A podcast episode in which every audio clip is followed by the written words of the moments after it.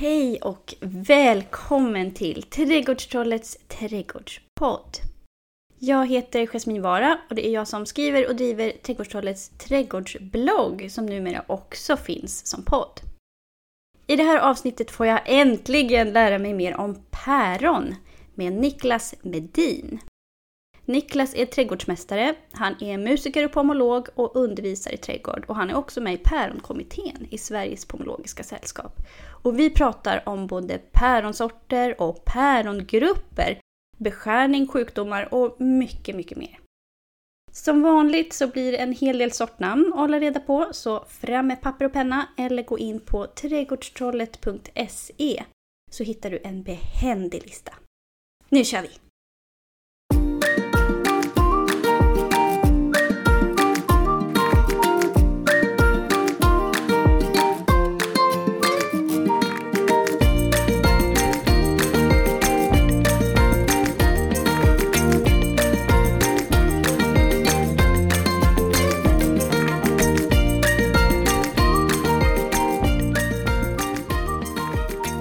Sådär, då var vi igång. Hej och välkommen till podden.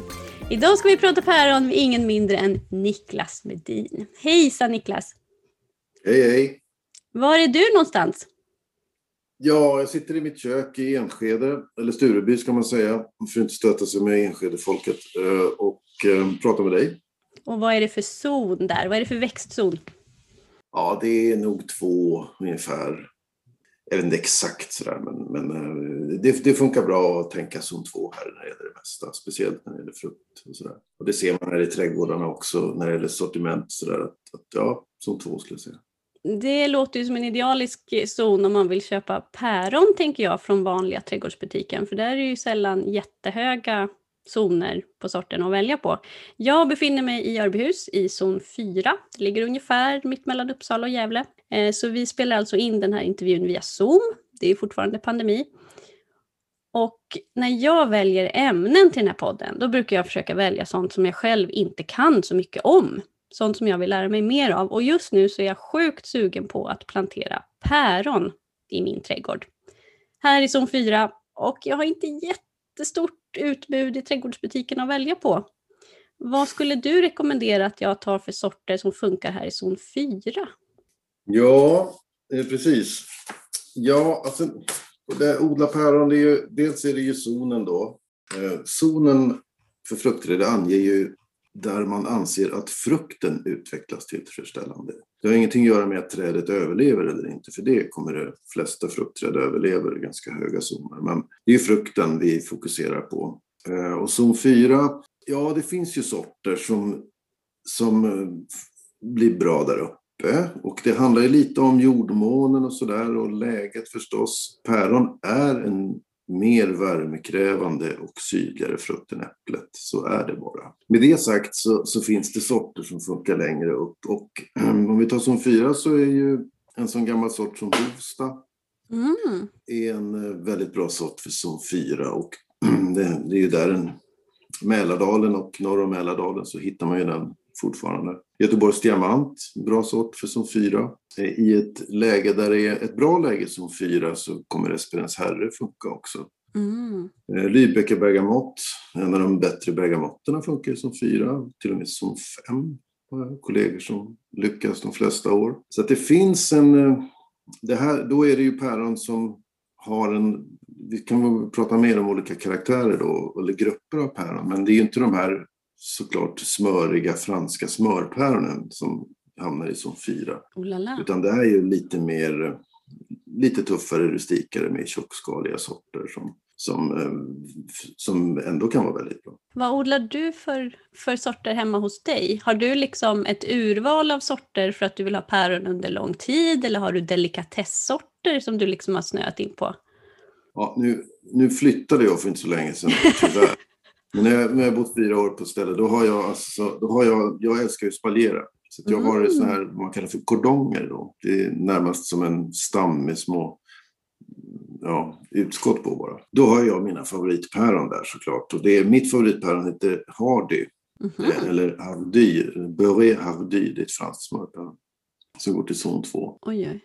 Det har jag där, fem stycken kordonger och sen har jag fyra stycken Klara Fris som jag tycker är fin och god och bra. Och sen har jag Sylvester och jag har Chardonnay och Ingeborg, ett svenskt päron som jag tycker Oj. är fint. Um, det är väl de jag har nu då. Och det är alltså inte stora träd förstås, utan det är liksom kordonger i mitt fall som jag utformar på olika sätt. Då. Uh, det är ungefär så som man odlar päron kommersiellt idag. Det är ju en slags balé-kordongodling. Så det har jag. Så jag har inte någon, eh, någon stretchat säsongen riktigt sådär. Jag har här också, det är en tidig sort. Men eh, det ska säkert utvecklas framöver. Här. För ofta om man pratar om äpplen till exempel, då är det ju sommaräpplen, höstäpplen och vinteräpplen. Det finns ingen mm. motsvarighet i pärongrupper liksom? Jo då, det är precis samma indelning. Alltså mm. sommarpäron, päron, vinterpäron. Så det är ingen skillnad där. De, äpplen och päron går ganska hand i hand när det gäller klassificering och sådär. Eller snarare så är det att päronen har tvingats inrätta sig i äpplets klassificering, skulle, man, skulle man nog kunna säga, åtminstone i Skandinavien. Då. Det verkar lite som att äpplen är liksom normen nästan. Om man pratar om pomologi till exempel. Du är ju pomolog, du är ju också mm. lärare. Um, mm. Det finns ju ett skäl till att jag har bjudit in just dig att vara gäst och prata om päron. Mm. Men äpplen är ju på något sätt normen. Varför har det blivit så? Nej, men det, det är ju inget konstigt. Äpplet är ju, utvecklas ju närmast perfekt i vårt land. Nu, det låter ju konstigt för vårt land är väldigt eh, många olika zoner. Men eh, alltså, man ska väl säga när äpplet ligger på sin nordgräns så utvecklas det väl nästan bäst.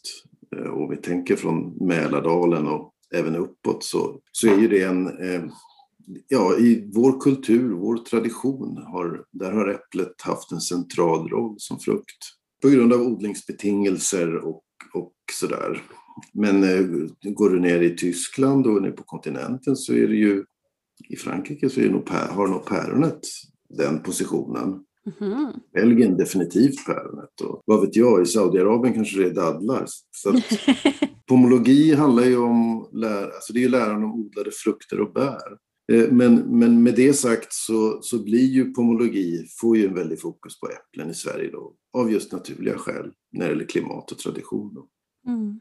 Men päronet har alltid eh, legat där i bakvattnet och ja, dykt upp och blivit populärt vissa perioder i historien och sådär.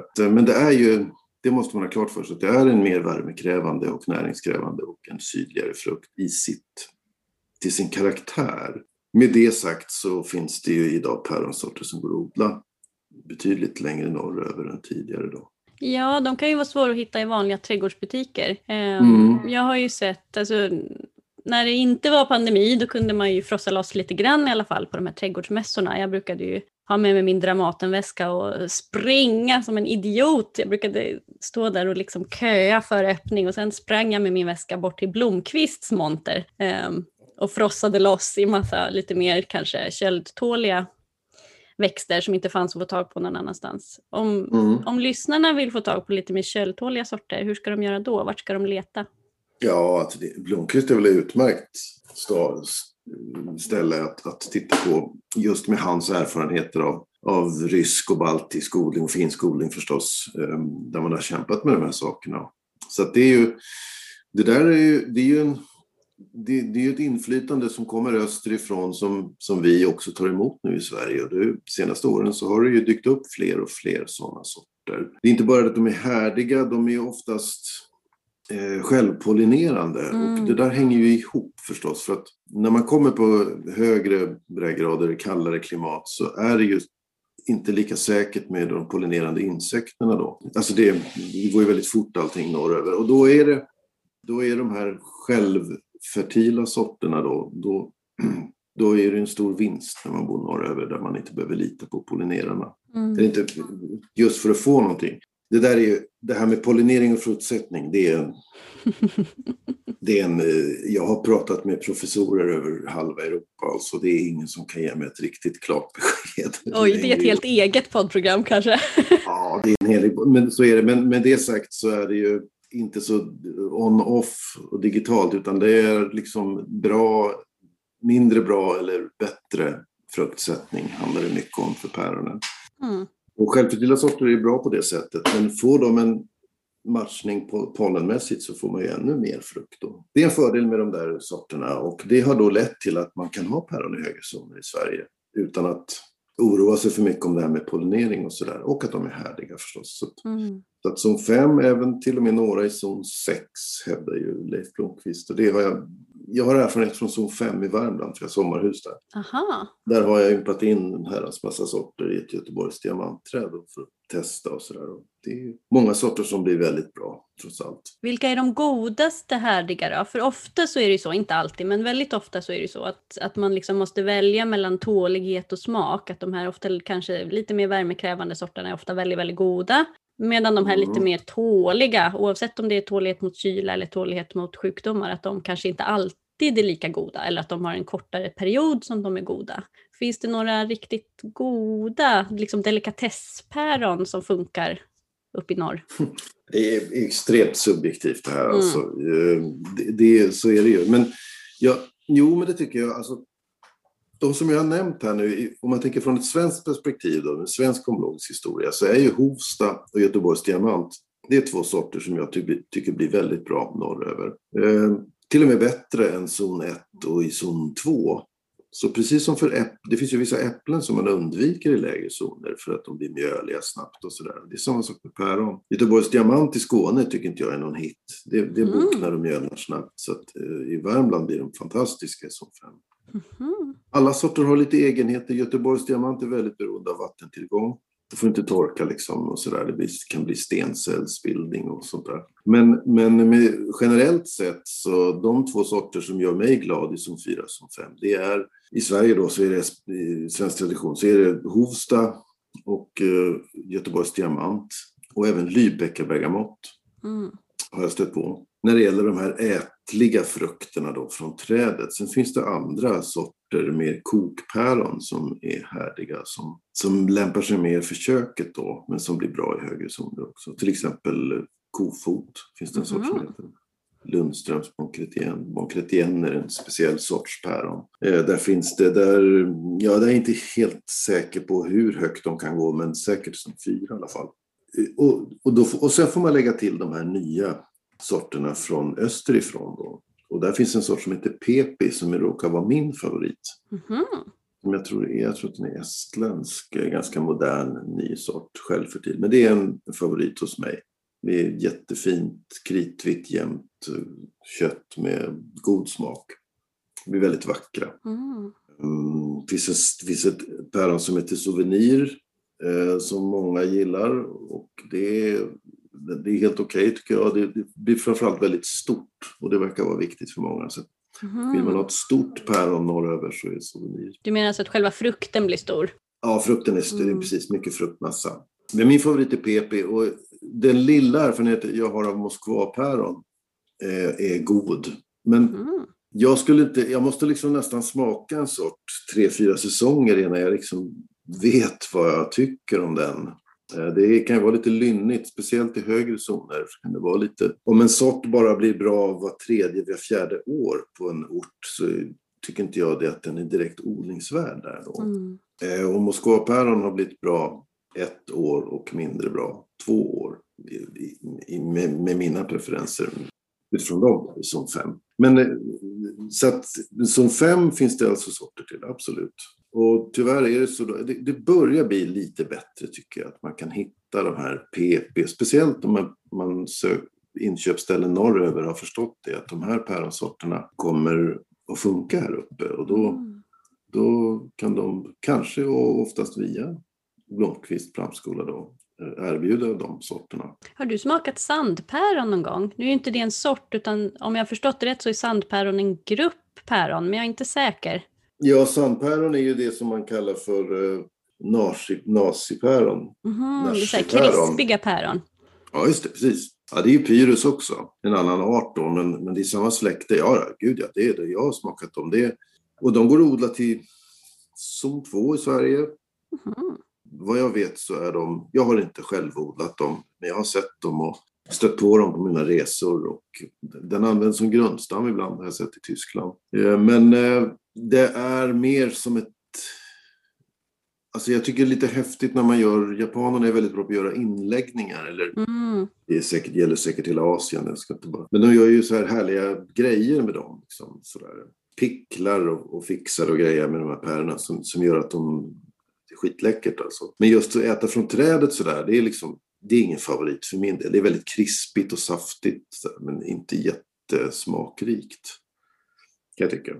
Hur äter du helst päron? Har du någon sån där päronpaj eller brukar du göra något annat? Torkade päronringar eller något? Eller är det alltid färskt som är bäst tycker du? Nej, oh, gud, jag håller på att krångla jättemycket med, med, med, med... Nej, men jag har en god vän i, Norrköping, Per-Gerhard Notkleff, som är restauranglärare och kock. Och vi har alltid konstiga laborationer varje år i hans restaurangkök. Och vi torkar och gör koktester och gud vet allt. Vad har blivit bäst och sämst då? Det är alltid roligt att jämföra de här extrema. Vad tycker du inte man ska göra med päron? Ja, must är rätt meningslöst tycker jag. För att, Ja, men det smakar liksom ingenting. Det blir bara sött. Det blir som en sån här barnpuré. Mm. Om, man, om man utgår från de här vanliga sötpäronen som vi odlar då. Men eh, med det sagt så must, mustar man liksom andra mustsorter. Det finns ju speciella mustpäron. Va? Eh, Det, det, det där är ingenting som är, liksom är aktuellt i Sverige just nu. Det kanske har varit det förr, därom tvistade lärde. Men, men eh, det finns ju cideräpplen och det finns ju även Cider är ju, har ju med äpplen att göra, så man kan inte säga ciderpäron. Men då säger man poirépäron eller mustpäron eller perrypäron kan man säga. då. Och de, när man mustar dem, det blir en väldigt god must. Alltså vi, vi har några vildpäronträd som vi har mustat. Det är ju fantastiskt god must. Är Så- de också sådär sträva? Därför att cideräpplen är ju ingenting man kanske äter sådär som bordsfrukt, utan de är ju lite speciella, milt sagt. Ja. Är, är poirépäron eller ciderpäron också sådär? Ja, de är ju oätliga. Det, Mm. det är ju, de, astring, de är väldigt så astringerande. Sådär. Och man kan inte fatta hur musten kan bli så god utifrån Mm. någonting som nästan motbjudande. Så att det, men så där är det ju mycket i, i förädlingsvärlden. Alltså om man tar vindruvor och sånt där som ska göra vin. Så, så det är lite samma sak. Men den traditionen är, är väl inte, det har vi inte riktigt i Sverige just nu i alla fall. Jag törs inte säga hur det har varit. Alltså förr i tiden. Men eh, jag har inte hittat något belägg för att man har odlat mycket mustpäron i Sverige. Men det kanske, vem vet, där finns det ju andra som är betydligt kunnigare än jag. Mm. Men musta vanliga päron, det tycker inte jag är någon bra idé. Jag vill helst, det bästa tycker jag ändå är att, att ta in päronen och låta dem mogna inomhus. Och när de är klara så trancherar de, skalar dem och trancherar dem så käkar vi dem med kniv och gaffel. Va- Vad är tranchera för någon som inte är kockutbildad? Nej, men alltså man styckar upp, man skalar päronet och så skär man bitar av det och lägger på en skärbräda. Mm. Eller har i sallad eller något sånt där. Jag är ingen fan av päronskal. Jag tycker skalet inte till... Skalet är väldigt viktigt när man förädlar. Där kan det finnas smaker och sånt där. Men jag är ingen som... Jag är, ingen, jag, ska, jag är lite frankofil där. Jag skalar mina päron. Eh, det finns några päron där skalet i och för sig tillför någonting. Det ska jag absolut säga. Men det vanligaste är att jag skalar liksom smörpäron och så, så delar jag på dem och så käkar vi det till frukost. Eller när det nu är. Alltså bara ordet smörpäron låter ju ganska Mm. smaskigt måste jag säga. Men Mm. om man nu ska gå in på, alltså du nämnde bergamotte förut. Mm, Jag tycker det. om man vill försöka orientera sig på något sätt i de här grupperna av päron, hur ska man tänka då? Mm. De har ju ganska klatschiga namn, men det är inte alltid så lätt att förstå vad som är vad. Nej, just det. Nej, men dels, har man, de- dels har man ju den här indelningen med liksom sommarpäron och det som har med årstiden att göra. Höstpäron, vinterpäron. Då. Ehm, Där, där, precis som med äpplen så är, så är ju de tidiga, de är ju fort de, de, det går ju över fort och det är svårt att lagra dem. Mm. Sen blir det lite bättre lagringstid och ska man ens försöka lagra päron så måste man utgå från de så kallade vintersorterna då, de senmognade. Och det väl, stämmer ju ganska väl med, med äpplen då. Så att, eh, det, det är den ena indelningen. Sen, men sen har vi ju liksom, har ju, har ju pomologer i alla tider försökt klassificera den här liksom kulturella mångfalden med frukt och det har ju gått sisådär. Jag, jag tycker den är svår, svårorienterad alltså. Men det är för att man, man försöker liksom anlägga ett vetenskapligt raster på det här som eh, alla Linné eller någonting. Va? Och frukterna låter sig inte kategoriseras riktigt så på det sättet. Men det finns absolut eh, anledning att, att dela in dem på olika sätt. Så där. Men om man säger till någon att ja, men det här är en bon chrétien, det här päronet är en bon chrétien, då, måste, då blir det ju Williams till exempel som är ett vanligt päron. Det känner många till. Det är en så kallad bon chrétien. Och det är en gammal, gammal grupp päron som innan man började prata, förmodligen så benämnde man det bon chrétienner innan man började, började använda sig av sortnamn. Mm. Vad jag tror i alla fall. Alltså det, eh, man får anta det i alla fall. Att man, att man började precis som äpplen, att man pratade om bergamotter och bon chrétienner, kanske kanelpäron och sådär. Och då, då har man de där gruppindelningarna. Och då är då bon chrétienner en grupp. Och det är frukter som är lite bu buckliga och som inte alls är så smakliga sådär från trädet. Utan det är mer en sån där frukt för att, att förädla och göra kompotter mm. eller torka och sådär. De kan till och med lukta lite illa. De luktar ungefär som päronblommen. Liksom. Det luktar lite illa. Men de har, de, den typen av frukt, päron då, de är väldigt de är härdiga, de är friska, de är pålitliga i sin bördighet och starkväxande och de har många egenskaper som var värdefulla förr. Eller mer värdefulla förr i alla fall och, och då blev de populära. En annan grupp då är bergamotterna. Det är nästan som att det är en annan frukt ibland, för alla ser ju likadana ut. De är lite mer äppellika då. Mm. Och de har mycket gemensamt när det kommer till smaken. Det är liksom lite mer exotiska smaker. Det kan vara lite vanilj, kardemumma, kanel.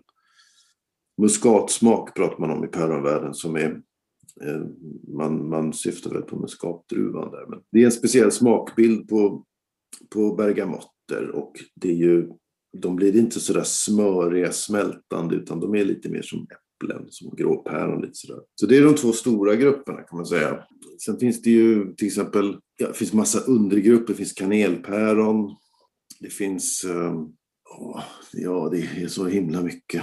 Men är smörpäron en egen grupp eller är det Nej. Ja, de är det, jo, det, det, kan vi säga. Det, det, kan man säga. För att päronet genomgår ju en fullständig genetisk revolution.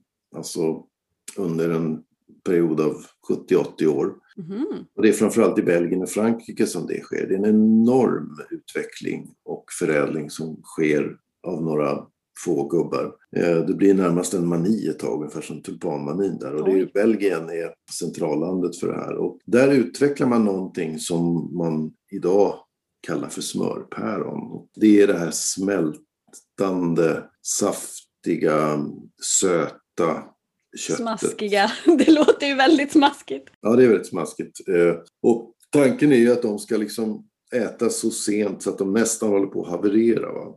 Ibland säger de så här, ja men det var för att alla förstar och högreståndsmänniskor hade inga tänder på den tiden så de var tvungna att hitta en frukt som gick att käka utan att tugga. Jag vet inte om det stämmer, men ja, det kanske stämmer. Men det, det är faktiskt, smörpannet är en väldigt, evolutionärt sett en väldigt modern eh, uppfinning. Och eh, i princip alla de sorter vi har idag, de kommer från den eran. Mm. Det är ingen som har lyckats göra så himla mycket bättre päron än vad de lyckades göra då, förädlingsmässigt. Så, att säga. så där har vi smörpäronen och det är, att vi kallar det för smörpäron det är för att mm, på franska så gav man då prefixet beurré. Ah. Beurré, ardu och sådär. Och på tyska så blev det då butterbirne. Mm. Man kan säga amanlis butterbirne. Eh, det heter på franska beurré amali. I Sverige har vi oftast tagit bort det där prefixet så vi säger bara amanli. Men eh, vi skulle kunna säga att amanlis smörpäron skulle det bli översatt till svenska. Men det är en egen grupp. Men eh, det, är väl, det är den gruppen som totalt dominerar idag när det gäller odling och eh, ja, på alla sätt och vis. Har vi några svenska eller liksom nordiska eh, päronhelgon är kanske fel ord, men, men något, några personer som har betytt väldigt mycket för för päronets framfart i Sverige? Ja, ingen sån där riktig... Ja, alltså, man kan säga att Eneroth är den stora centralgestalten i svensk pomologi, Olof mm. Eneroth. Olof Eneroth. Och han gjorde ju liksom en, ett gigantiskt arbete här på mitten på 1800-talet genom att med statliga medel och provodlingar och annat bringa ordning i allting som växte i Sverige. För det, för det har ju av naturliga skäl så har en sort haft många olika namn, haft lokala namn och sådär. Men han bringade ordning i allt det här och klassificerade det hela och eh, även provodlade de nya sorterna som då kom från kontinenten. Bland annat mm. smörpäronen då som, som med lite delay hamnade även i Sverige så småningom. Då. Så han har ju gjort det är nog honom man måste nämna. Man, man börjar nästan alltid med Eneroth mm. om man är pomologiskt intresserad i Sverige och då är det 1800-talet. Så han är ju liksom den här förgrundsgestalten som man inte kommer runt. Och hans böcker då är ju ja, för oss päronjägare och vi som försöker forska och ja, sortbestämma och inventera och sådär så utan hans böcker så hade det, det hade inte gått. Då hade, vi, då hade allt varit ett enda stort gungfly. Så mm. vi ger honom en evigt um, står evig skuld till Olof Eneroth. Sen kommer det på 1900-talet så kommer ju en, en annan duktig pomolog som heter Dahl, Sigge Dahl, som skriver också en pomologi där han är lite mer rationell och reducerar antalet sorter och hänvisar till odlingsduglig, eller vad som är odlingsvärt och så vidare. Då, då är det ganska mycket ett fruktodlarperspektiv som, som går in. Alltså professionell odling då. Mm. Men hans böcker är fantastiska och det är nog de, de bästa sortbeskrivningar som vi har i Sverige. De vill jag nog påstå att Dahl har åstadkommit.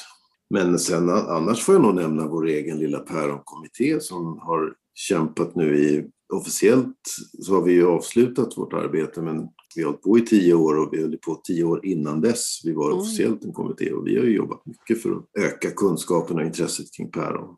Jag tror att om det är en lyssnare nu som inte riktigt vet vad päronkommittén är, vill du bara berätta vad päronkommittén är och vad det ingår i? Ja, men vi, ja, men alltså, vi är ju engagerade i Sveriges pomologiska sällskap då, som en ideell förening och då, då har vi bildat en arbetsgrupp. För vi märkte att det här med päronen var väldigt kunskapen var väldigt låg och det var mycket knasigheter och fel. Eh, eh, så att vi startade en arbetsgrupp för att, för att liksom främja päronodlingen och försöka kunskapa kring det och få lite ordning på våra sorter och sådär. Eh, så det är på ideell basis. Liksom. Så vi har varit sex personer som, som har jobbat med det och vi har så småningom börjat redovisa våra erfarenheter i olika skrifter och artiklar och sådär. Mm, vad heter de om man vill få tag på dem? Hur gör man då?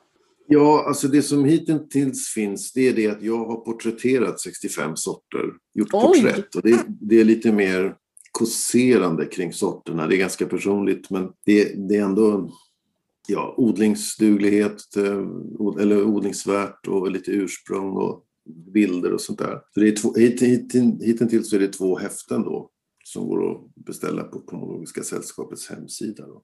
Och det kommer en tredje del, törs jag inte säga när, men det kommer en tredje del. Så att det nästan blir hundra sorter till slut. Oj, spännande. Vad har du fått mm. reda på all din kunskap? Vad, vad är liksom dina kunskapskällor? Vem eller varifrån har du lärt dig mest? Vad har du samlat ihop din kunskap? Är det praktiskt arbete eller har du liksom haft en har du gått bredvid en känd person och lärt dig eller har du gått en utbildning eller berätta? Ja, alltså, nej, men det, det är nog väldigt mycket från person till person som det är i sådär hantverk och sådana här sammanhang. Så där tror jag lärt mig mest av, av andra pomologer. Anledningen till att vi startade Päronkommittén var ju också det att de personer som kanske, eller vi trodde kunde någonting om päron var inte, var inte med oss längre. Mm. Så det är, om man tänker på pomologer så har det varit ett glapp där när det gäller päronen. Så att vi har liksom lite fått starta från noll. Men i och med våra internationella kontakter som vi har knutit genom kommittén och även genom olika nätverk som heter, det finns ett, en, en, en årlig fruktutställning som heter Europom där vi träffas. Det, det, är en stor utställning och seminarier och, och kunskapande som sker någonstans då, eh, varje år i Europa. Mm, det är olika platser varje år? Olika platser, precis. Sverige ska, vi ska försöka göra det där nästa gång i Sverige, Sveriges pomologiska sällskap. Eller vi, jag tror vi ska försöka göra det 2022. Det är mycket coronatrassel nu med ja, sånt här. Men, det är ju det. Men vi, det är vår ambition att faktiskt hålla det där själva i Sverige för första gången. Wow. Bjuda hit kontinentens alla pomologer. Så att jag vill påstå att ja, det som jag har lärt mig mest av det är, det är andra personer. Och det, är o, det går inte att komma förbi min min eh, trädmästare som heter Erik Håkansson i Urshult som eh, var med i Päronkommittén. Han gick bort 2017 då. Men eh, han har lärt mig otroligt mycket om frukt och odling och eh, en hel del om päron. Jag besökte honom eh, ofta och även med trädgårdsklasserna så var vi ofta och besökte hans plantskola och, och sådär. Han, han, eh, ja, det är mycket som kommer därifrån. när, det kommer till hur man ser på frukten och odlingsmässigt och sådär. Eh, men sen är det också framförallt internationella kontakter som jag har. Tyska kontakter där vi träffas och det finns en Tysklands Pomologenverein heter de, de är väldigt aktiva. De brukar mm. ha ett päronseminarium vissa år som vi har varit på. Så det vill jag nog påstå att det är framförallt från andra personer och sen är det från egen erfarenhet. Sen är det ju såklart att man läser om läser böcker och sånt där och eh, tittar på klipp från Youtube och sånt där. Men päronkunskapen är, den är liksom lite på den, inte, den har inte samma status som äpplet i vårt land. Nej, den är lite svårare att hitta skulle jag vilja säga nu när jag själv liksom mm. har börjat snoka och leta. Eh, mm. Jag går ju en eh, pomologisk utbildning och eh, mitt eh, exjobb ska handla om lepagehäck. Och eh, mm. en lepagehäck, för den som inte vet vad det är, eh, är alltså en, en frukthäck, i mitt fall är det på äpple, som är som, det är böljande vågor i olika våningar kan man säga. Och då undrar ju jag, kan man göra det även på päron? Ehm, ja, svar ja. Jag tror till och med att det blir bättre på päron. Oho, och varför blir det bättre? Berätta, nu blev jag ju extremt nyfiken. Eh, spaliering, alltså jag vill, det här är, nu, nu är det mitt spekulation och egna erfarenheter här, men när man spolierar frukt så, så tycker jag att päronen är som sagt väldigt lämpade för det. Och det har att göra med att det gör lite så som man vill. Päronet är följsamt, det sätter bra fruktved. Mm. Eh, på rätt ställen så att säga. Liksom, va? Det går inte, om man försöker spalera ett aroma så får man ju problem direkt för att det blir rätt så kala partier på ett aromaträd. Det vet ju odlare och folk som har aromaträd. Men där är, jag tycker päron gör det där väldigt bra. Jag vill påstå att päronspaljer blir äldre än mhm. äppelspaljer. Mm. Päronträd i sig blir äldre än äppelträd, alltså förutsatt att under lika förutsättningar. Man kan ändå tänka på det, hur många gamla äppelspaljer har jag sett? Ja, noll Nästan kan jag säga. Inga. Det är jättesvårt när jag försökt hitta och fota till mitt exjobb alltså. Det kommer bli mycket mm. tecknade mm. bilder tyvärr, för det är, även om många kan tala om vart de har stått så de står inte kvar. Och den, på Alnarp så, jag vet inte, det var länge sedan jag såg det, men där fanns det ju en fantastisk päron. Som var, det var ju liksom, den var helt galen. Det var ju som, ja, den var fantastisk. um, den kanske man får snoka upp, se om den finns kvar. Det vore roligt om ja, den, om det kanske fanns. den gör. Det är Nej, men päron lämpar sig bra där så att, på, för spalering. Så det, det tror jag är framtidens melodi mm. för päronodlare, det är att spendera. Nej, jag har ju jobbat många år i trädgårdsbutik och då är ju alltså en, ett stående svar från kunder då, de säger att de kommer in i butiken och så säger de att de vill ha fruktträd och så visar man det som finns. Och då ratar de direkt päron för det, det blir så stora träd och det har vi inte plats för. Det, det orkar vi inte hålla på med. Nej, och då är ju spaljering idealiskt, för då behöver det ju inte bli så stort och högt och svår, alltså svårt att beskära och svårt att skörda och, och svårt allt med det där. Men mm. sen finns det ju också olika sorters format på frukt som jag tror att inte så många tänker på. Dels finns det ju de här äh, dvärgträd eller miniträd, det finns pelarpäron. Har du någon erfarenhet av dem? Nej, jag har inte odlat dem själv. Det är speciella sorter där. Jag, jag, jag försökte faktiskt få tag på det här, men det, nu är det som växtbrist. Så jag skulle mm. gärna testa några sådana, men nej, jag har ingen erfarenhet av det ännu. När du har gjort din kordong, vad är det för ja, grundstam då? För det är också någonting apropå lepage och det här med att impa. Alltså att när man ympar då leker man lite Frankenstein, man sätter ihop en kropp med fötterna på rötterna kan man säga om man ska grovt förenkla det. Då. Mm. Eh, och det gör man ju för att den här grundstammen kan ha olika egenskaper. Och på äpple mm. så brukar man ofta prata om A2, lite mer starkväxande och så B9, lite mer svagväxande. Finns det någon motsvarighet mm. till det på päron? Ja visst, alltså det, precis. Det vanligaste är ju fröstam, alltså Pyrus communis. Och då finns det sortnamn där. Eh, det är de härdigaste och det är det som ger de stora träden. Mm. Eh, så vill man ha ett stort träd i högre zon så väljer man det. Men sen, sen har man sen en lång tradition ympat päron på kvitten. Mm. Och det är en annan art, ett annat släkte också. Så det finns ju vissa få sådana här ympningar mellan släkten som fungerar. Och på päron, päron har visat sig vara lite mer acceptabel när det gäller andra släkten. Därför att äpplen, eller förlåt, päron kan man alltså ympa på kvitten. Sydonia oblonga heter den. Hur är det med rönn då? Kan man ympa det på rönn också? Ja, det kan man göra. Det finns lyckade exempel på det. Och det finns också misslyckade exempel på det. Nej, Så där är, det, där är det en varierande kompabilitet vill jag påstå beroende på vilken sort man håller på med. Eh, på början på, förra, början på 1900-talet så sålde man svagväxande päronträd som var ympat på haggtorn. Mm. Som en svensk variant. Problemet med kvitten är egentligen det att dels är det härdigheten som blir dålig för kvitten är, är inte härdigt längre upp till zon 2, kanske zon 3. Eh, det finns kloner av det här som anses vara lite härligare. Men det, det, det begränsar ju såklart det hela. Sen finns det en, en pyrusstam, alltså samma släkte som päron så finns det en grundstam som heter pyrodwarf som man vet är härdig till zon 4 då, som anses vara, som anses vara svagväxande. Eh, alltså kvitten, då kan vi, om, det, det, det här, vad, vad, är svagväxande? Ja, om man säger att det som är starkast en fröstam, om det är 100% växtkraft, så är man på kvitten, då är man alltså under 50 procent. Och mm. vissa kvittenstammar kan man vara under 30 procent. Medan pyrodwarf kanske är då 50 procent. Och vad skulle passa bäst till en päronlepage då, om jag nu skulle våga mig på och kasta mig in i det äventyret? Vad ska jag försöka sätta för grundstam på dem då? Ja, men det, befinner du i zon 1? Nej, du är i zon 4. Fyra. Nej. Mm. Ja. Då vart det värre. ja, men då är det pyrod, pyrodwarf som är en möjlighet då. Av det som finns tillgängligt här mm. i Sverige. Sen finns det andra grundstammar. Det finns amerikanska, kanadensiska grundstammar som är spännande och intressanta på pappret i alla fall. Men jag har ingen egen odlingserfarenhet av dem, så jag kan inte, liksom inte rekommendera det. När det är pyrodorf så har Erik Håkansson, som jag nämnde i Urshult, han, odlat, han hade odlat den i över 20 år. Oj. Och vi har, vi har följt det också liksom. Och ärligt talat, vi kunde inte se att det var någonting svagväxande med den. Den var väldigt starkväxande, men det kanske var hans härliga jord där som gjorde det hela. Mm. Och, men det som är intressant med till exempel kvitten är ju det att det växer ju väldigt starkt i början. Det växer ju starkare än en fröstam i början så man kan ju nästan bli så här, men gud, har jag blandat ihop etiketterna här? Liksom. Men sen stannar den av och får ett ganska begränsat rotsystem då.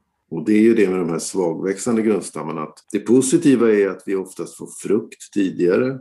Det är uppenbara att det inte blir stora träd. Men sen har vi ett mer begränsat rotsystem som då blir känsligare för torka och eh, ja, näringsbehov och sånt där. Så där behöver man hjälpa till som odlare lite grann och vattna och mm. gödsla och sådär i, i än större utsträckning än, än vanligt. Men det är jag, eh, kvitten, jag testar kvitten i som, som tre är det många som säger att det går alldeles utmärkt. Så att, um, det roliga med kvitten är att frukterna blir större, uh, frukterna blir lite mer ihop tryckta också. Det är som att man liksom Nämen. pressar ihop dem. Alltså det, det, är knappt märkbart men man, så lägger man dem bredvid varandra så ser man det. Och det mognar också lite tidigare, någon vecka eller tio dagar tidigare. Vi får en tidigare mognad och även en tidigare blomning. Vad har du för grundstam på din kordong? Jag måste ja, bara fråga. Det är kvitten. Det är det? Det är kvitten. Mm. Kvitten A heter det.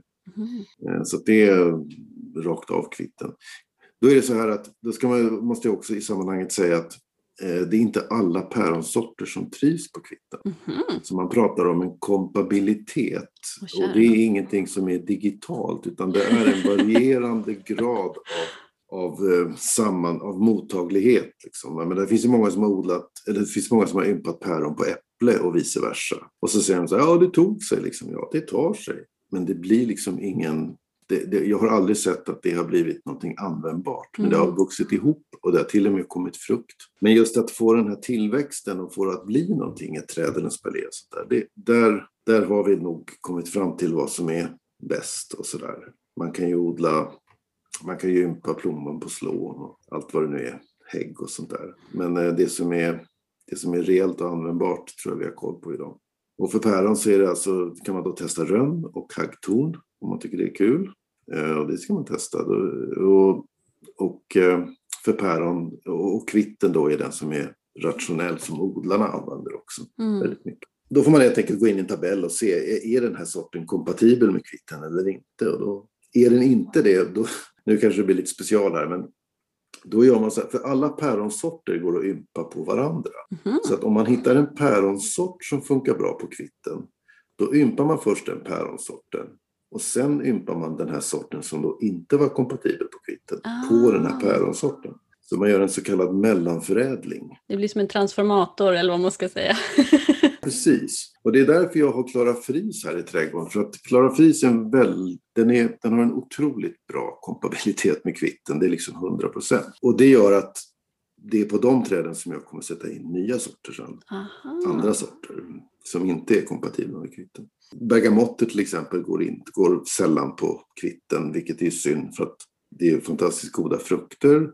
Eh, och odlar man eh, alltså grå, gråpäron är ett sånt där jättepäronträd som kan ta enormt lång tid på sig för att ge frukt. Och det gör även bergamotterna tyvärr. Man kan liksom få vänta 10-15 år. Men Eller oj. mer till och med. Och då tänker man sådär att ja, men om man sätter det på svagväxande, då går det ju bra. Då går det ju fortare. Men då är det just det där med kvitten och kompabiliteten. Så då måste man mellanförädla. Mm. Eller sätta in en, man kan ju sätta in en bergamott i en vanligt päronträd. Det går ju också bra. Och då får man frukt tidigare. Och jag tänker om man då vill få tag på de här spännande grundstammarna. Det är ju inte bara att knalla in i valfri trädgårdsbutik och säga tjenixen, tjena hejsan, jag vill köpa en grundstam. Eh, Nej, för då precis. skrattar de åt en. Vart ska man vända sig? Var ska man leta någonstans? Ja, men det finns ju några plantskolor i Sverige som tillhandahåller grundstammar och det är ju bland annat Rögle i Skåne och det är ju Gränna plantskola, Ebeplants, eh, vad jag vet. Och kanske är det någon mer. Men de, de, de säljer alltså grundstammar, kanske inte styckvis men buntvis då. En grundstam kostar inte så mycket, det kanske kostar mellan 15 och 15-20 kronor styck. Så att då kan man beställa dem där och få dem hem i, på våren innan de har liksom vaknat då på posten, sådana här grundstammar. Så eh, Rögle och eh, Gränna plantskola, om det eller Eveplant kanske heter. Mm. Sen finns det vissa som tar in också och sällskapet säljer grundstammar på mässan brukar vi göra och, och jag tror tänker mig att Blomqvist säljer Mm, grundstammar. de brukar sälja också. Men om man vill beställa eller boka grundstammar från Rögle och de där, då är det ofta bra att göra det redan på hösten, i min erfarenhet. Det är inte alltid Mm. pang bom just exakt när man vill ha någonting på våren som det finns, utan ofta måste man liksom ha viss... Man får tänka framåt och kanske redan ett halvår innan boka för säkerhets skull. Om man ska vara säker på att få.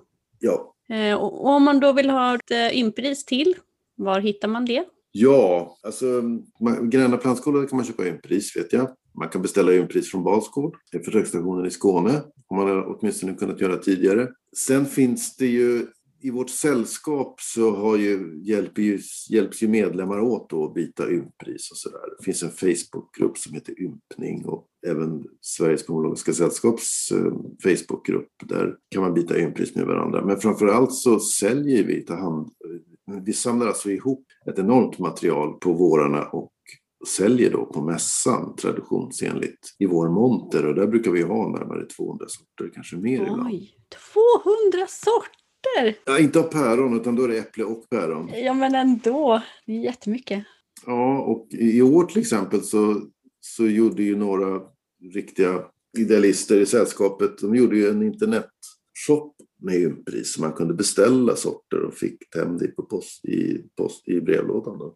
Det tror jag var över 200 sorter man kunde Oj. beställa där. Den webbshoppen är väl stängd nu kanske, bör vi tillägga, så att ingen börjar leta efter den nu. Nej, precis. Så är det. Nej, men det är, lite, det är lite svårt det där. Och det är, eh, det är ju typiskt en sån där sak som Pomologiska sällskapet håller på med och hjälper folk att hitta pris och sådär. Ehm, Sen till de vanligare sorterna, då kanske det finns på, ja, det kan det finnas på andra ställen. De absolut vanligaste. Men, men eh, det som jag, när det, just när det gäller päron så kan det kanske vara extra knepigt att hitta. Men, men det är ju mycket via sällskapet eller de här Balsgård som jag nämnde.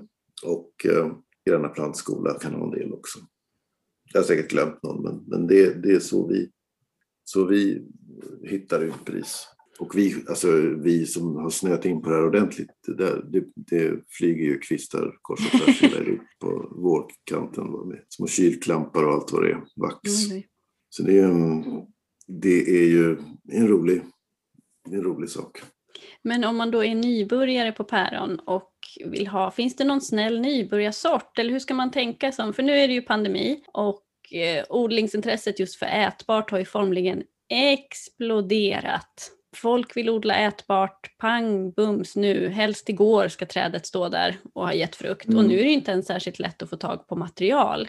Nej. Fruktträden har ökat i pris, något rent bisarrt om man jämför bara över liksom tre år så har de ökat ordentligt. Eh, mm. hur ska jag tänka om jag nu är total nybörjare på det här med trädgård? Hur, vilkens, liksom, finns det någon snäll päronsort jag kan börja med? Vilket format ska jag ha? Hur ska jag tänka? Vad är det som gör ett bra päron till ett bra päron för en nybörjare? Jaha, säg det.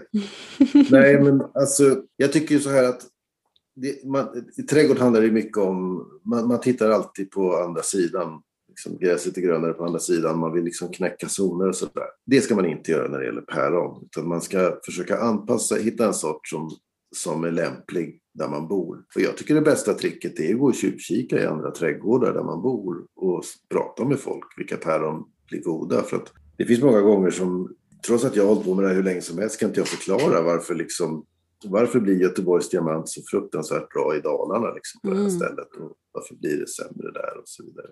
En bit bort eller något. Men, men så det tycker jag, tjuvkika lite eller prata med folk i bygden eller orten eller lokala gardencenter om de har någon uppfattning om vilka sorter som är bra och inte försöka knäcka zoner. Det är det första.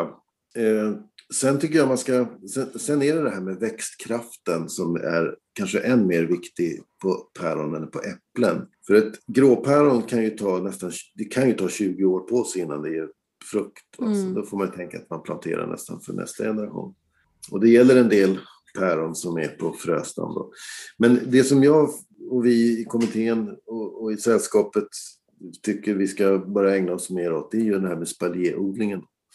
Men det är klart, helt nybörjare på trädgård, ja då kan det vara ett visst startsträcka på att spaljera. Men, men eh, det är ju som en trädgård att ska man bara ha en, den där självgående trädgården finns ju inte. Liksom. Nej, det, är, precis. det är ju, grejen är ju det att vi, vi är med där. Va? Så om man tänker sig att man ändå är intresserad, då tycker jag man ska börja spaljera. Men med det sagt, vill man köpa ett träd som kanske inte blir jättestort, då tycker jag Klara Fris är en bra sort.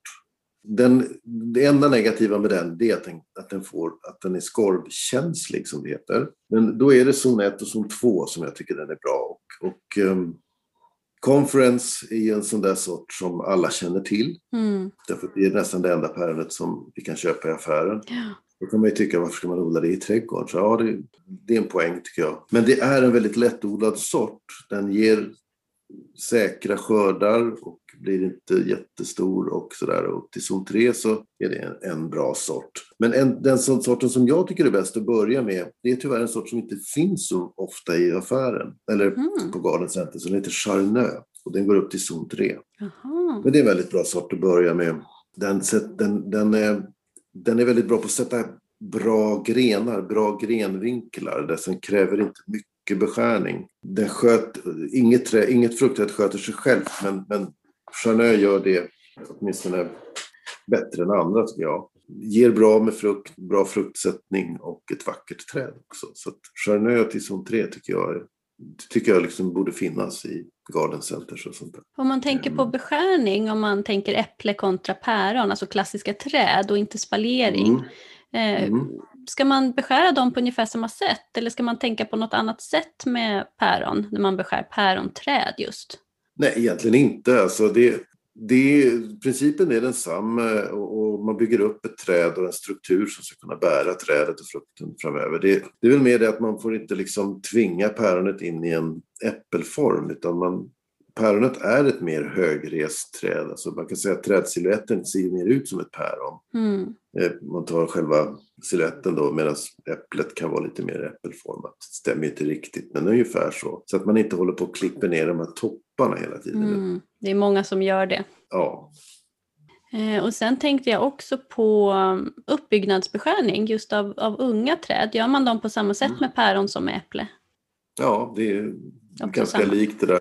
Man brukar tänka den här triangeln liksom. Mm. Eh, päronets triangel blir ju mer spetsig och mer kortare bas men högre sidor, sidor liksom. Mm. Att, nej, det skulle jag säga är ganska lika. Eh, det som skiljer dem är nog lite mer att, att generellt sett är päronen lite mer näringskrävande och värmekrävande. Så det, ska man lyckas med päron så, så behöver den liksom verkligen ha den bästa platsen i trädgården. Eh, men vad det gäller beskärning och sånt, ja, det, det, det finns så många skolor i det här, men, men eh, jag skulle påstå att det är snarlikt. Men man ska inte ge sig på att försöka forma om ett päronträd till ett äppelträd och ta ner toppar och sånt där, för det, det är sällan lyckat.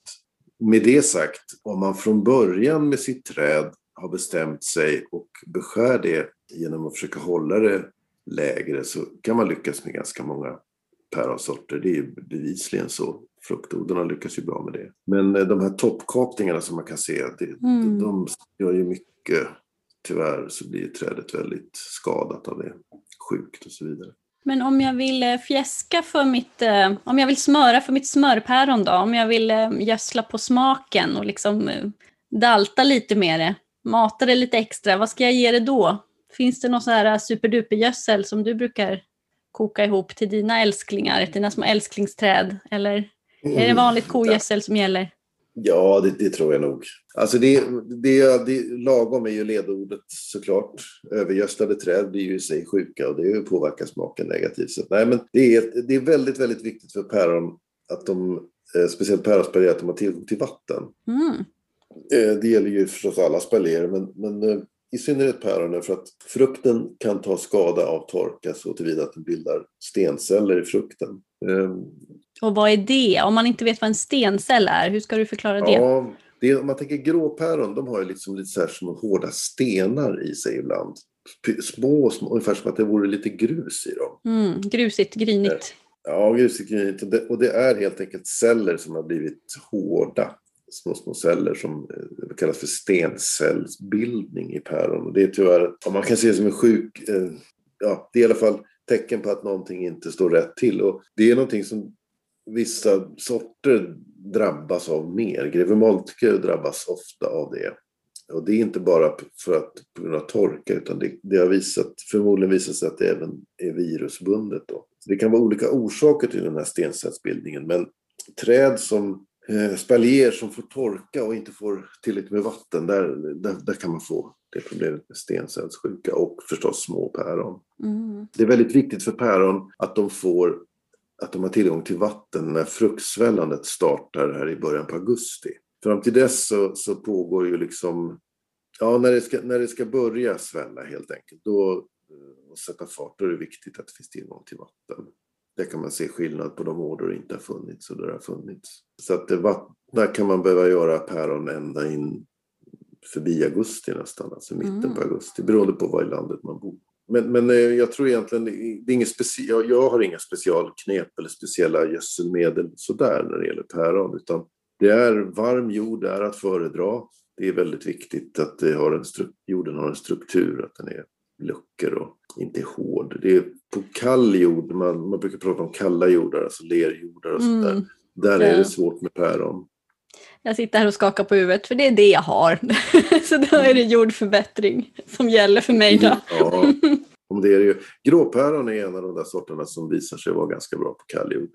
Mm. Och även Göteborgs diamant går i, i sammanhanget bättre då på kallare jordar. Du nämnde sjukdomar lite grann. Finns det några sjukdomar som är lite extra vanliga just på lerjord?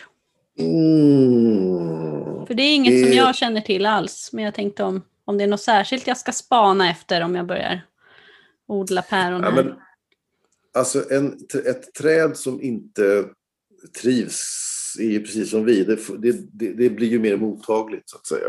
Och päron är ju inte jättelämpade för kalljord, minst sagt, eller tvärtom. Det är faktiskt, är det, är det för tungt då är det bättre med äpplen och andra frukter. Det är såklart att då, då lider de av det. Och det päronen, de, de, vanligaste problemen är ju förstås skorven. Det är, det är ju det som, även för äpplen, men det är, det är ett stort problem för päron många päronsorter som är mottagliga för skorv. Då. Sen är det här med päronrosten. Mm. Och då är det inte någon, det är alltså någonting, det är alltså en, en svamp som, som sätter sig, den ter, det ter sig ut på det sättet att det blir gul, eh, orangea fläckar på bladen och även på frukterna kan angripas. Och det är tyvärr en svamp som värdväxlar med en, en kinesisk en, kinesiska enar och, och det är ett gissel i södra Sverige. Så det är nog det största problemet i södra Sverige. Kommer vi längre upp i landet så är det kanske inte lika högt tryck men där har vi ett skorvtryck då Mhm.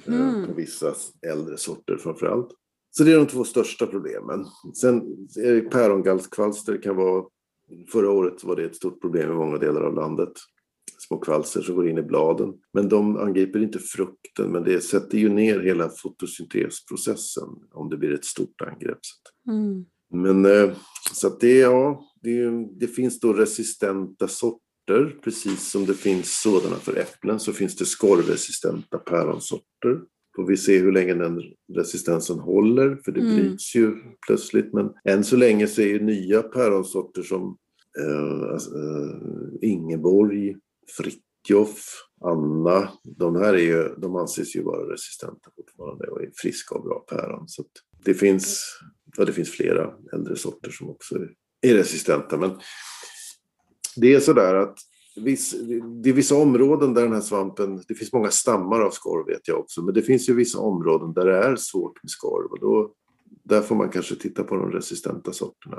Men en sån, som, en sån sort som eh, Hovsta får ju väldigt mycket skorv söder, eh, i södra Sverige, men när vi kommer lite längre norrut, kanske i distrikt där man inte har haft en lång tradition av just fruktodling på päron, där kan de vara ovanligt friska. Så det beror lite på var man bor också. De friskaste Hovstaträden har jag sett i Dalarna. Mhm. Det var ju lite otippat.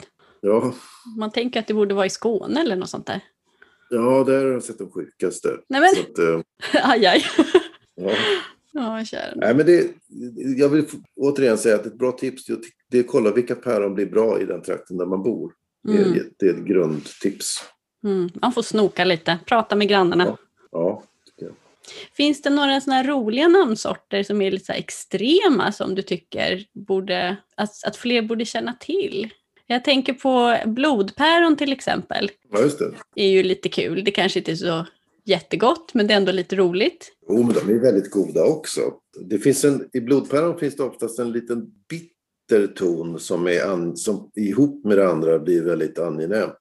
Alltså bara rent söta päron är ju inte...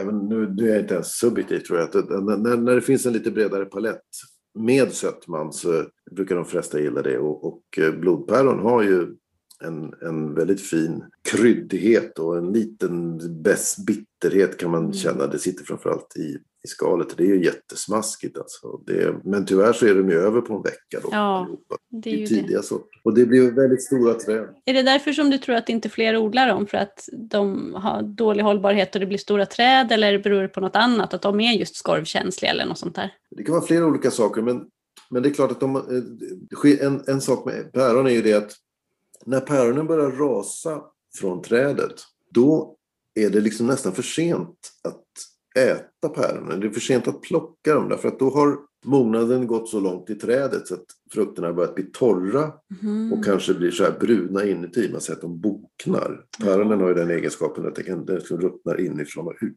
Något som är väldigt viktigt för alla päronodlare det är att plocka frukten i tid innan den börjar rasa. Det här gäller ju förstås äpplen också, men i än större utsträckning i päron. För plockar man Göteborgs diamant, ja, säg en vecka, tio dagar innan de ska rasa. Det är svårt att veta när de ska rasa, men det, där får man ju ta till erfarenheten och gå och känna och smaka och sådär. Då kan man lagra päron mycket längre. Mhm. Och har man dem då svalt eh, under tak så tar man in dem i rumsvärmen och så forcerar man mognaden. Så kan man stretcha ätbarheten för en sort ganska länge. Men som, om man gör som de flesta trädägare, väntar tills det börjar rasa, då är det för sent. Och så går man dit och ska äta ett päron och så plockar man det från trädet och så är det redan torrt och boket, boknat. Mm. Det är en viktig sak med päron. Man måste plocka dem i tid. Finns det någon sån här extremsort som går att lagra superlänge då?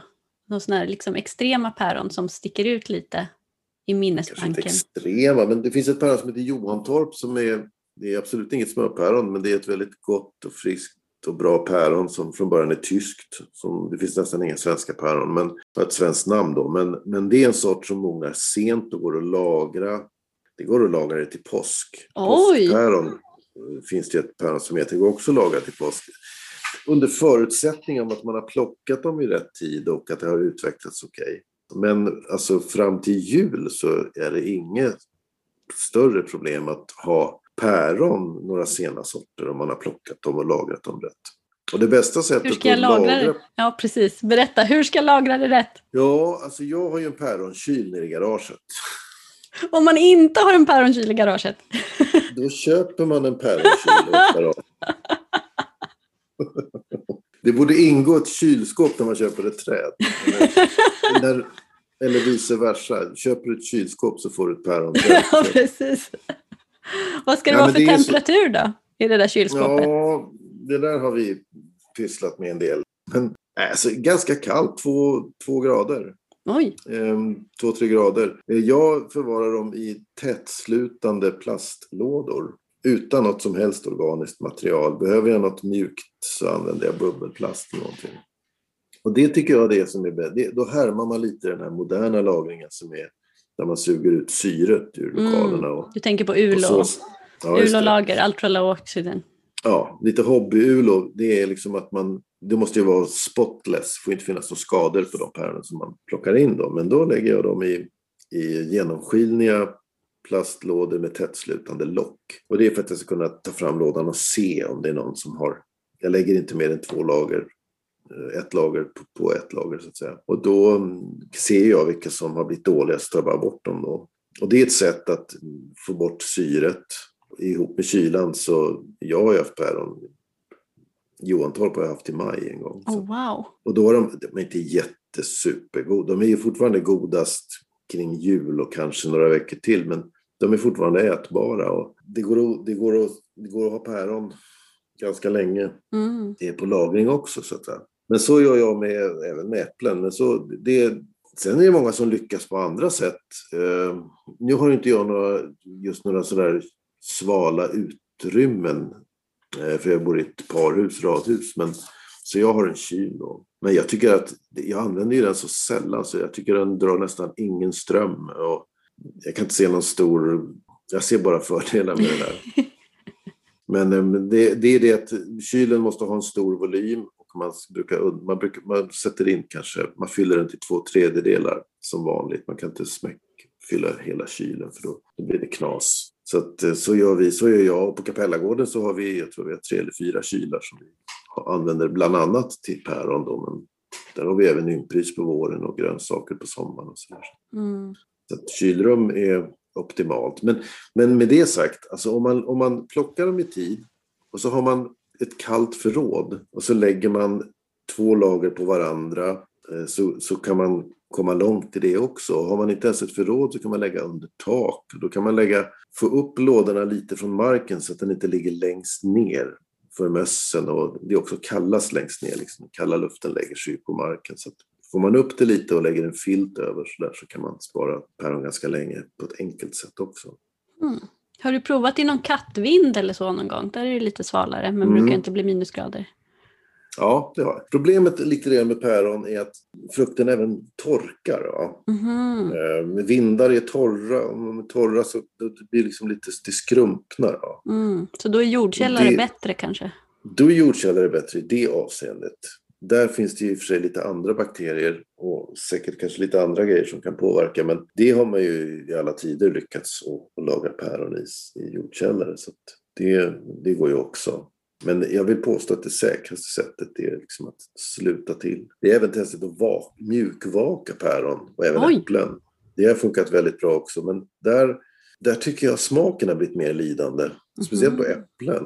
Det går inte att hårdvaka det hela och det är lite omständigt det hela. Men vi har testat i alla fall och det funkar. Men eh, det känns både lättare och enklare att, att köra med eh, tättslutande tätslutande plastlådor. Så, ja. Och sen är det ju det, sen tar man in, det är klart att det är lite procedur med, med päron, det är inte bara att slänga upp dem sådär. Jag brukar ju känna runt skaftet, och är det mjukt i köttet precis vid skaftinfästningen, då är det liksom då är det mo- ätmoget kallar jag det för. Då. Och då brukar det oftast vara gott att äta. Det är lite som med avokado, man känner liksom vid skaftinfästningen. där, Mm. liksom. Så det finns små tricks man ska...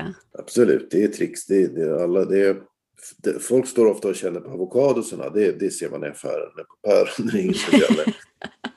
Men det är samma sak där. Och de päronen man köper, de ska ju inte vara mogna där, utan de ska ju vara plockade i en sån tid så att de är, fortfarande har en omogenhet, så att de eftermognar på fruktfatet hemma. Då. Mm.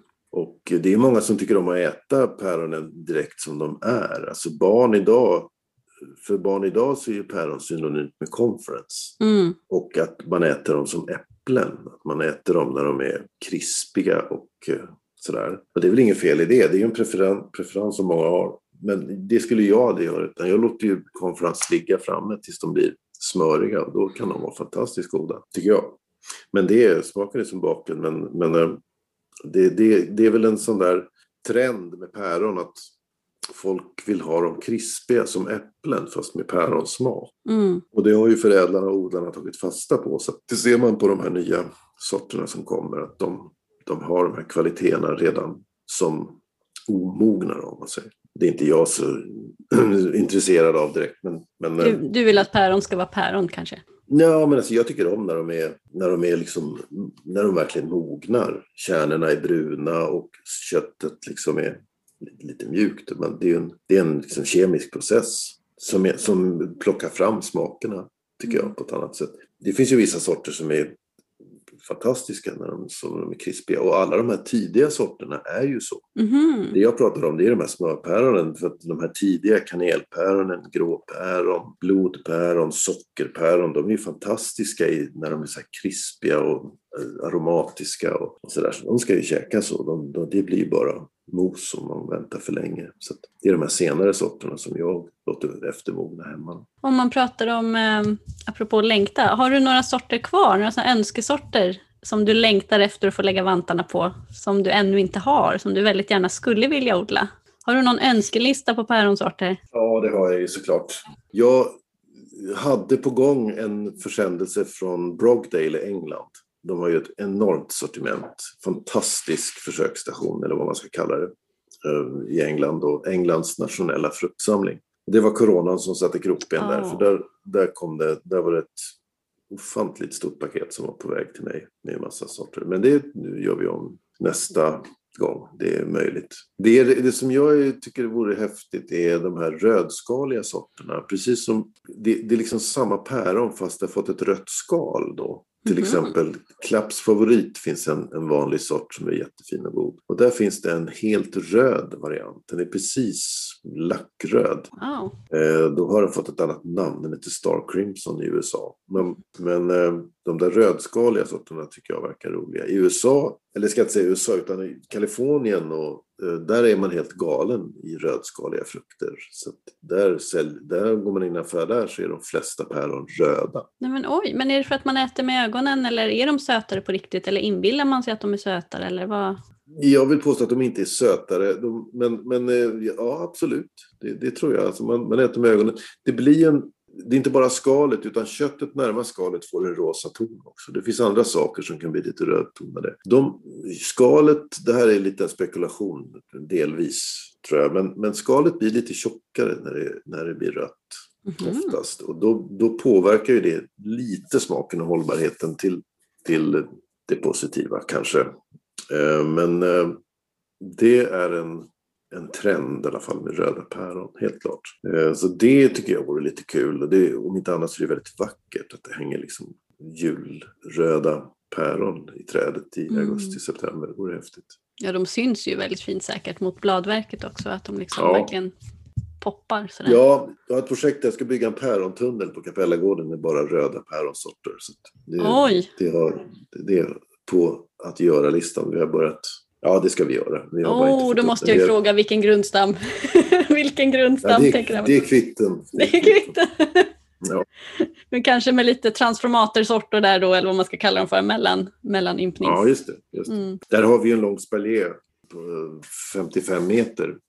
eh, Där vi har gjort en replika från en spaljé som växer på Alnarp, som just den här dalpomologen som jag pratade om tidigare, som i början av 1900-talet. Där fanns ju den här vi päronspaljé i Sverige då, med, enligt konstens alla regler. Den är ju, finns ju kvar idag, den har havererat lätt, men där, vi har tagit det växtmaterialet och gjort en ny spaljé i päronkommittén och nu växer den på Kapellagården som en fristående spaljé. Då. Men där finns det en 25 sorter.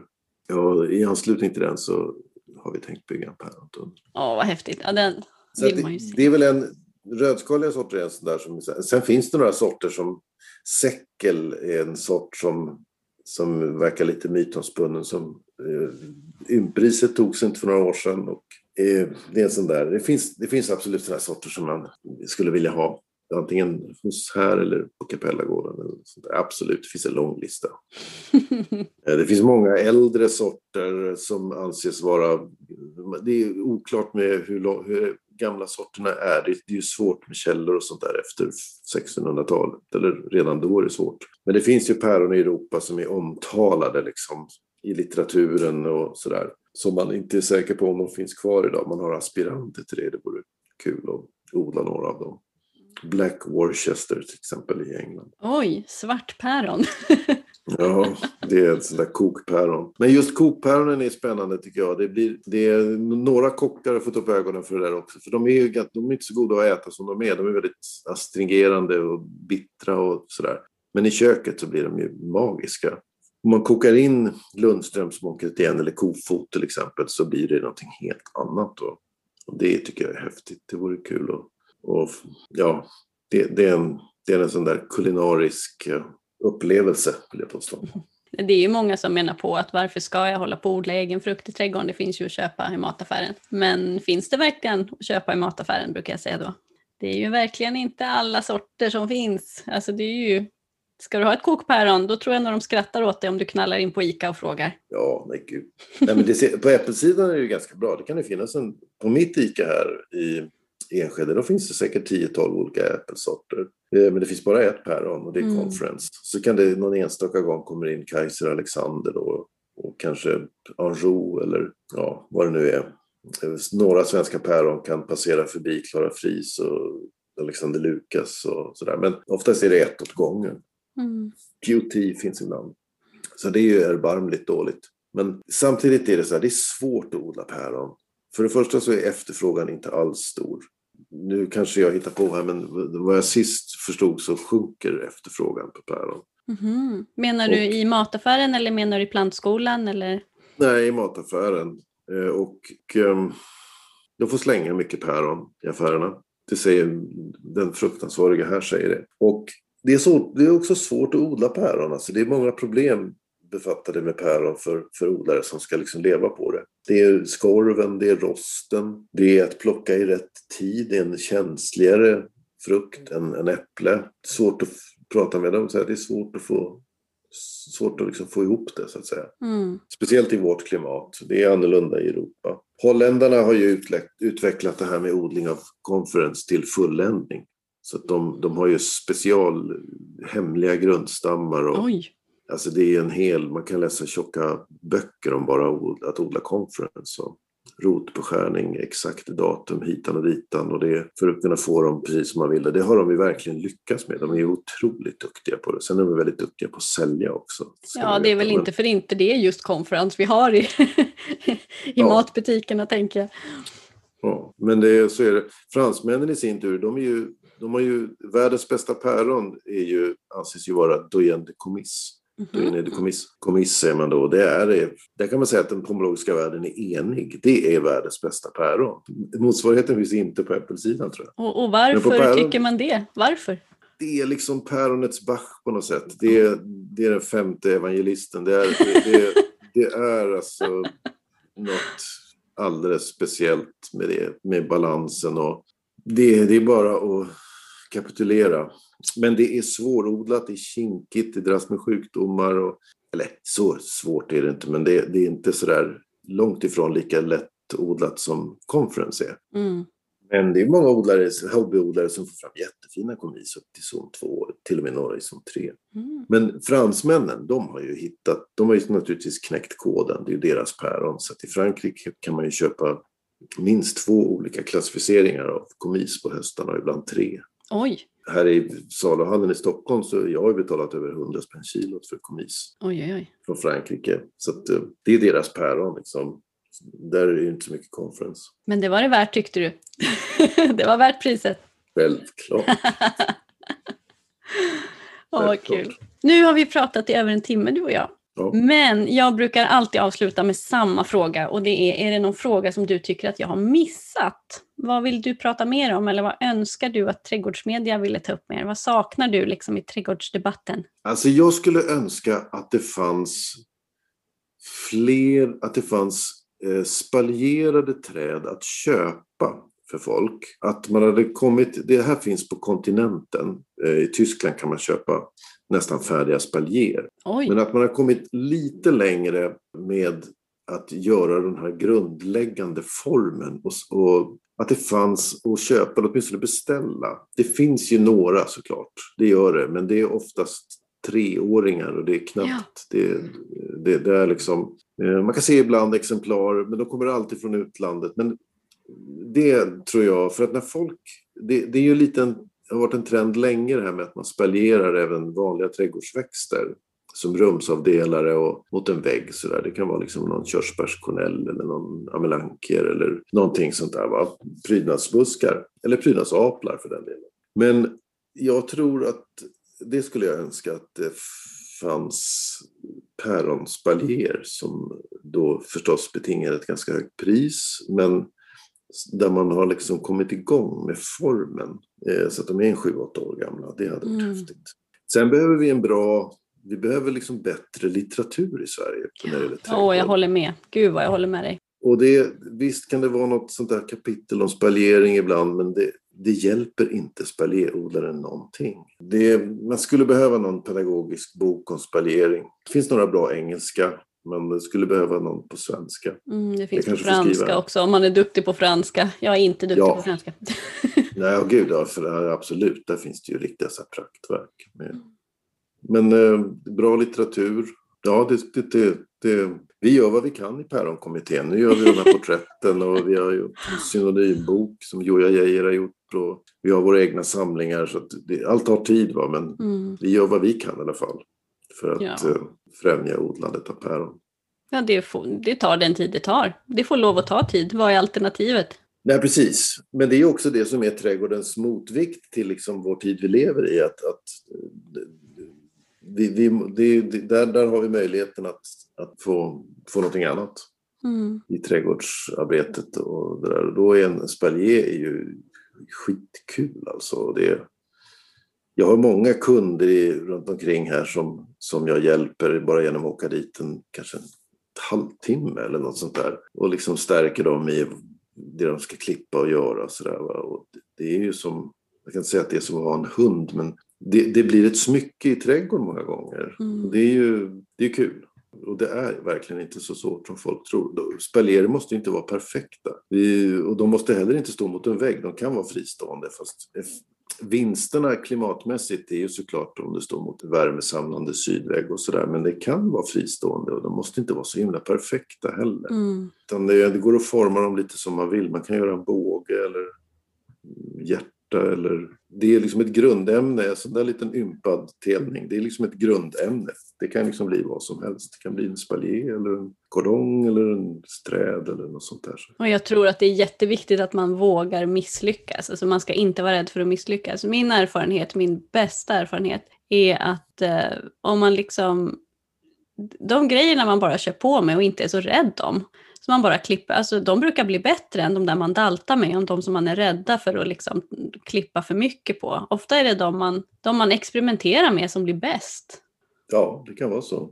Varför inte? Och det är ju, och ska man liksom, ska man ympa, om man vill till exempel ska ympa själv, va? då brukar jag säga så här att det är inte så svårt. 90 procent av de träd man försöker göra eller eh, ympningarna man gör, de lyckas så tillvida att de tar sig och blir någonting. Men sen kanske det är, av dem så kanske det är hälften som blir riktigt bra. Och om man ger sig in på det här med att ympa, då behöver man liksom köpa 10, 15, 20, 25 grundstammar och ympa dem. Liksom. Och så väljer man ut de som är bäst. Så. Och sen leker man med resten.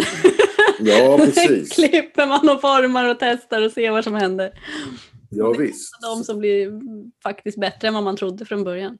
Ja, ja visst, absolut. Det, det, det är roligt. Det är roligt. Det är fantastiskt kul med fruktträd. Vad kul att du ville vara med i podden Niklas. Tack snälla Ja. för allt du har lärt mig om päron. Och jag hoppas att eh, ni som lyssnar också blir sugna på att prova på att odla och experimentera lite med päron. Kanske lite roligare päronsorter än de som man hittar i vanliga trädgårdsbutiken. Mm. Men tack snälla du för att du ville vara med. Hoppas vi ses så småningom efter pandemin tack. i montern där på, på Nordiska trädgårdar i Pomologiskas monter. Ja, precis. precis. Verkligen. Så får du ta hand om dig så hoppas jag att vi ses så småningom. Ja, hoppas jag med. Hej då! Hej, hej!